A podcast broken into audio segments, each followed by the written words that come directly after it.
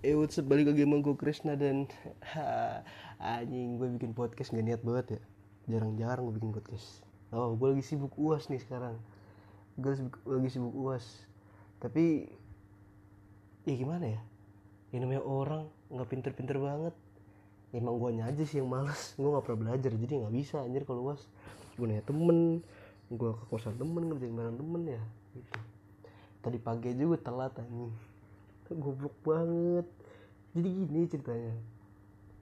Gue itu tidur jam sekitar jam 2an nah gue udah prepare. Gue takut gue takut banget kalau nggak bangun. Gue udah prepare nggak silent HP biar temen gue bisa bangunin nggak silent HP tuh biar nyokap gue bisa bangunin juga. Terus juga alarmnya gue gedein terus gue pakai earphone. Nah awalnya gue pakai earphone tuh biar langsung bangun gitu ternyata uh, gue mikir kayaknya kalau misalnya gue kan kalau tidur agak-agak gimana gitu lah. Maksudnya petakilan gitu. Jadi akhirnya gue masang satu earphone doang. Gue apa namanya tidur. Eh gue bukan pakai earphone gue pakai earbuds. Gue pasang satu doang kan. Gue pasang satu ternyata sampai bangun masih masih nempel. Gue bangun setengah lima pagi tuh. Aja gue seneng banget. Gue bisa tidur jam 2 bangunnya setengah lima pagi kan set gue buka HP gue sih ternyata sisa 20% baterainya dan sisa 20% gue matiin uh, ear earbudsnya. Habis itu gue taro gue cas earbudsnya. Habis itu gue lihat 20% kan tadi tuh. Udah gue cas. Karena gue mikirnya dari jam setengah lima itu gue harus siap-siap ke kosan temen gue jam setengah tujuan gue matiin lah tuh datanya. Gue airplane mode biar apa? Biar cepet ternyata habis ngecas langsung tidur anjing. Basah gue nggak tahu ya abis gue nyolok nih abis gue nyolok chargeran abis gue nyolok chargeran cas gue tidur lagi di bantal. Tiba-tiba udah setengah delapan di depan kamar kos gue ada temen gue ngomong kres Kresna sambil ngetok-ngetok. Terus gue bilang ah apaan? Terus dia bilang uas bego ayo buruan. Terus gue nanya jam berapa nih? Setengah delapan terus gue panik ah setengah delapan bas. Anjing konyol banget cok. Tapi kejadian yang gue berusaha alami tuh nggak bakal kejadian ya kalau misalnya gue nggak ke Jogja gitu. Lu pernah gak sih ngebayangin gimana rasanya kalau lu tuh pindah ke suatu daerah tapi lu sendirian literally sendirian. Nggak ada keluarga sama orang-orang terdekat gitulah maksudnya ya ya keluarga tuh maksudnya kan circle circle pertama dan circle kedua lo ya kayak gitu maksud gue ya walaupun gue masih ada tante gue om gue dan anak-anak tante gue kan gue nggak bisa mengandalkan mereka juga buat bangunin gue kan? Maksudnya gue minta tolong buat telepon setiap pagi bangunin gue enggak dong. Gue mandiri di sini. Gue nggak mau nggak mau apa ya kayak istilahnya memberatkan mereka uh, pada urusan gue sendiri. Nah gue tuh dulu nggak pernah ngebayangin kalau misalnya gue tuh bakal tinggal di suatu daerah yang asing buat gue ya Jogja bukan Jogja bukan tempat yang asing buat gue ya. Tapi lebih ke jadi tempat destinasi wisata aja buat gue karena setiap liburan setiap gue pulang ke Jawa Timur gue pasti ke Jogja pulangnya kayak mampir gitu pasti lewat.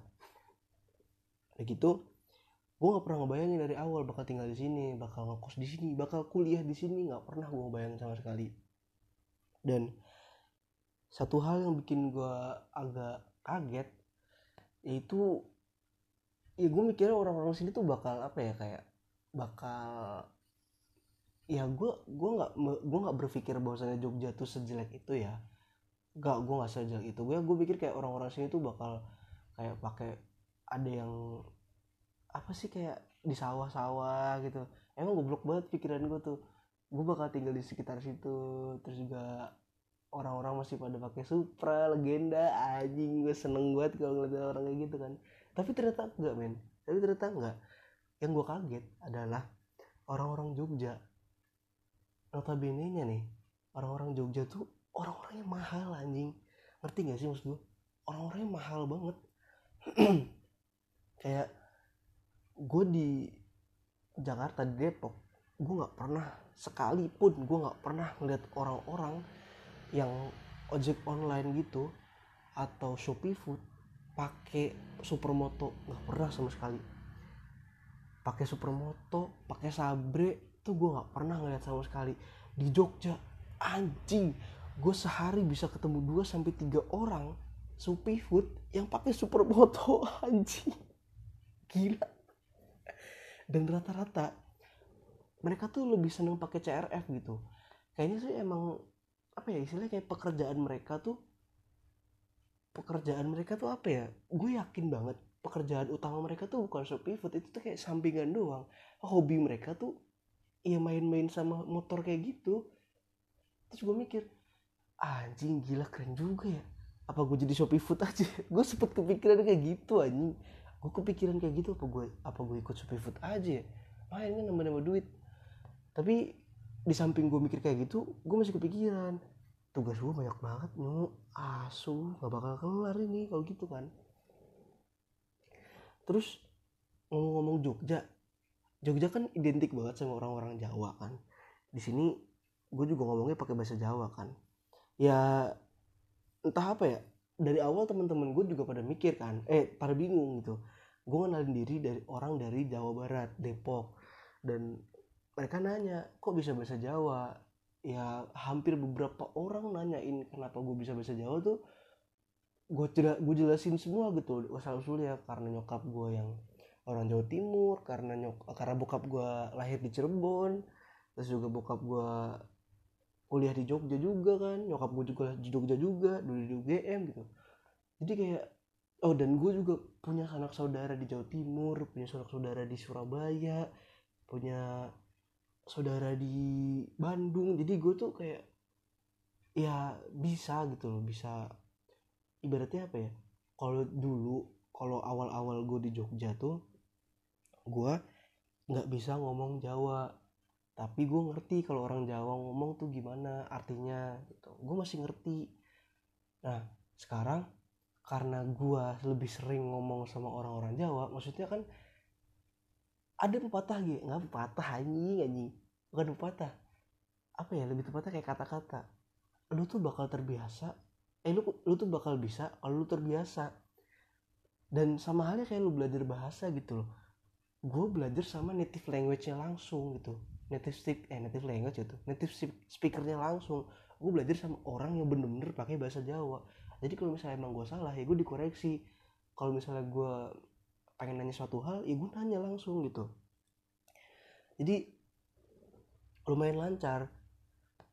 Nah uh, masalahnya yang unik di Jogja itu di sini nggak ada warteg. Di sini nggak ada warteg cuy ini buat temen-temen gue yang selain di Jogja ya gue ngasih tahu aja di Jogja tuh nggak ada warteg. Jarang warteg jarang warteg tuh.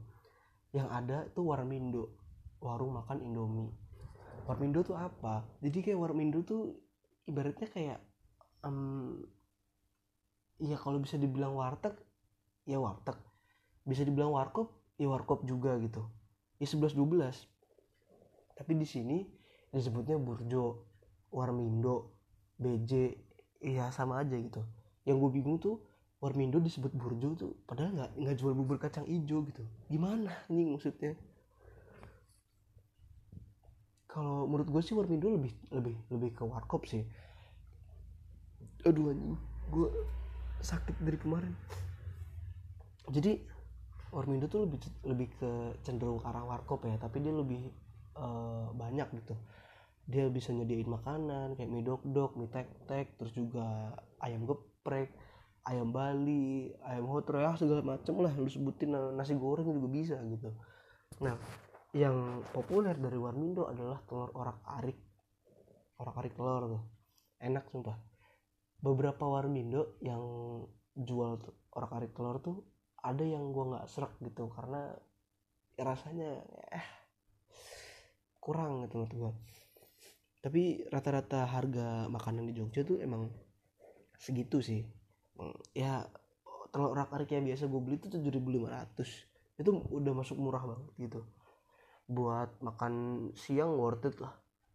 Nah yang unik tadi kan lo bilang unik ya yang unik di Jogja adalah orang-orang di Warmindo yang jualan itu pakai bahasa Sunda men. Orang-orang Sunda anjing orang yang jualan di Warmindo tuh. Jadi kayak gue mikir bangsat gue di Jogja. Tapi gue mau gue mau pakai bahasa Sunda gitu. Oh buat lu yang nggak tahu gue juga bisa bahasa Sunda tapi sedikit sedikit itu nggak bener-bener lancar kayak orang-orang yang bener-bener setiap hari ngomong bahasa Sunda. Jadi dengan gue sering ke Warmindo tuh gue juga ngobrol gitu sama si yang jualnya kan AA nya gitu kan. Ngobrol pakai bahasa Sunda kayak mesen ah orang karing dong hiji gitu terus uh, apa ya kayak gue sempet gue sempet uh, mesen malam-malam sama gue kalau nggak nggak salah itu nggak sengaja ketemu temen gue di situ lagi nongkrong. Gue mesen ah itu saya beli wah hiji ah. Terus gue dateng minumannya gue haus pengen minum air putih seret kan. Terus gue ngomong ah cebodosnya hiji dong ah. Tuh kan. Terus temen gue yang denger gue ngomong kayak gitu ngomong tiba-tiba gini Krisna bisa bahasa bisa semua bahasa anjir. Kayak enggak anjir. Gue bisa bisa bahasa bahasa itu karena memang gue punya keturunannya gitu. Kalau bisa dibilang bokap gue tuh setengah Jawa setengah Sunda. Karena uh, lebih ke Sunda sih sebenarnya tapi dia lahir di Jawa gitu. Tapi kalau nyokap gue dia pure Jawa. Nah bokap gue itu bener-bener bisa dua bahasa. Dua-duanya bisa. Sunda bisa Jawa bisa. Tapi sekarang lebih lebih sering pakai bahasa Sunda karena orang-orang di sekitar rumah bokap gua dan nyokap gua itu adalah orang-orang Sunda. Karena kalau nyokap gua itu biasanya apa ya kayak istilahnya konsultan bahasa Jawa gua. Selalu. Gua kalau nanya apa apa sama dia pasti. Gua kalau misalnya gua sempet nanya ke nyokap gua kan. Kan gua manggil dia bunda kan. Dak gua manggilnya. Dak kalau bunda ngomong sama Uti Uti tuh nyokapnya emak gua gitu. Nyokapnya nyokap gua. Jadi kayak nenek gue gitu lah nggak kalau bunda manggil uti eh salah aja nggak kalau bunda ngobrol ngobrol sama uti pakainya jawa apa? Ngoko kromo atau kromo inggil gitu kan bilang. Terus nyokap gue bilang kalau bunda sama uh, Bu Denu Bu Deni itu saudara-saudaranya kakak-kakaknya. Itu biasanya makainya ngoko. Karena emang apa ya kayak ya karena kalau udah deket kan pakai ngoko juga nggak apa-apa kan. Udah jadi gue tiba-tiba nanya terus kalau karena ngomong bahasa Jawa sama bunda pakainya ngoko apa kromo? Ya ngoko aja lah ngapain pakai kromo? Wih, gue di kayak gitu tuh kayak oh gue juga pengen belajar nih. Itu gue nanya kayak gitu tuh kalau nggak salah waktu kelas 11 gue masih inget banget zaman zaman gue masih belum kepikiran buat masuk UGM sama sekali. Nah uh, maka dari itu gue sekarang udah lancar ngobrol sama teman-teman gue pakai bahasa Jawa nih cuman takutnya gue kalau misalnya di anehnya ya anehnya gue kalau misalnya disuruh bahasa Jawa tuh ngomong bahasa Jawa nggak bisa. Kayak apa sih? Gue bisa ngomong bahasa Jawa aja kalau disuruh. Bisanya tuh langsung gitu mendadak terus gue nggak ngerti kenapa gitu. Pengen tuh tiba-tiba kalau disuruh langsung ngomong gitu. Nah ada lagi yang bikin gue kesel. Jadi gini ceritanya. Kemarin lusa gue lagi buka-buka TikTok. Terus ada ada video TikTok yang uh, videonya tuh isi screenshot dari status WhatsApp cewek ini ya. Status WhatsApp cewek dia bilang gini pokoknya dia ngejelek-jelekin orang Jawa yang ngomongnya medok aduh anjing gue nggak enak banget ngomong pilek gini. Nggak dia ngejelek-jelekin kalau orang apa kalau cowok yang ngomongnya itu medok gitu. Dan gue kesel di situ kayak anjing lu rasis banget bangsat. Nggak usah kayak gitulah. Kalau bisa emang lu nggak suka ya nggak usah ngomong gitu. Nggak usah.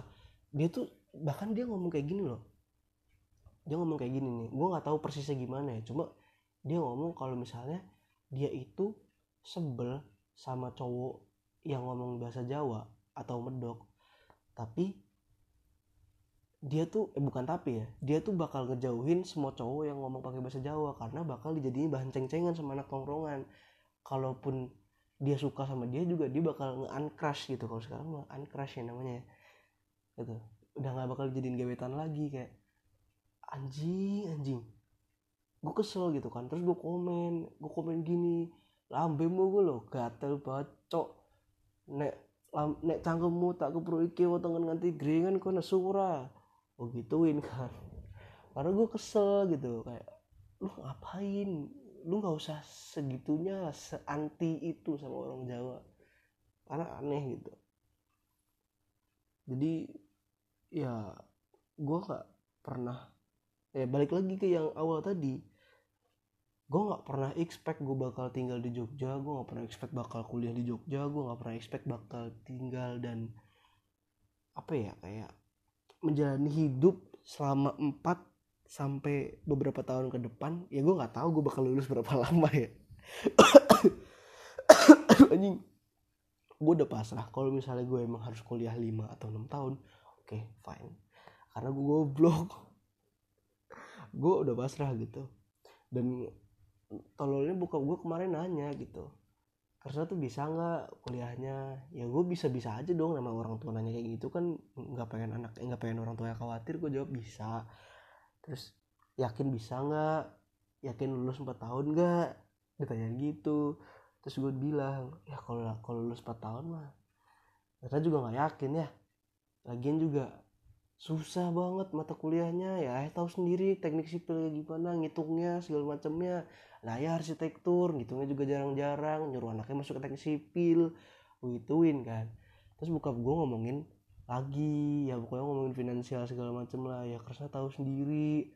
Ayah masa ayah harus bayarin uh, eh, UKT sebesar itu untuk kesna biaya kuliah setahun lagi berarti dua kali lipat dong satu dua semester gitu kan. Belum lagi kesna ngekos ngekos satu tahun 12 bulan.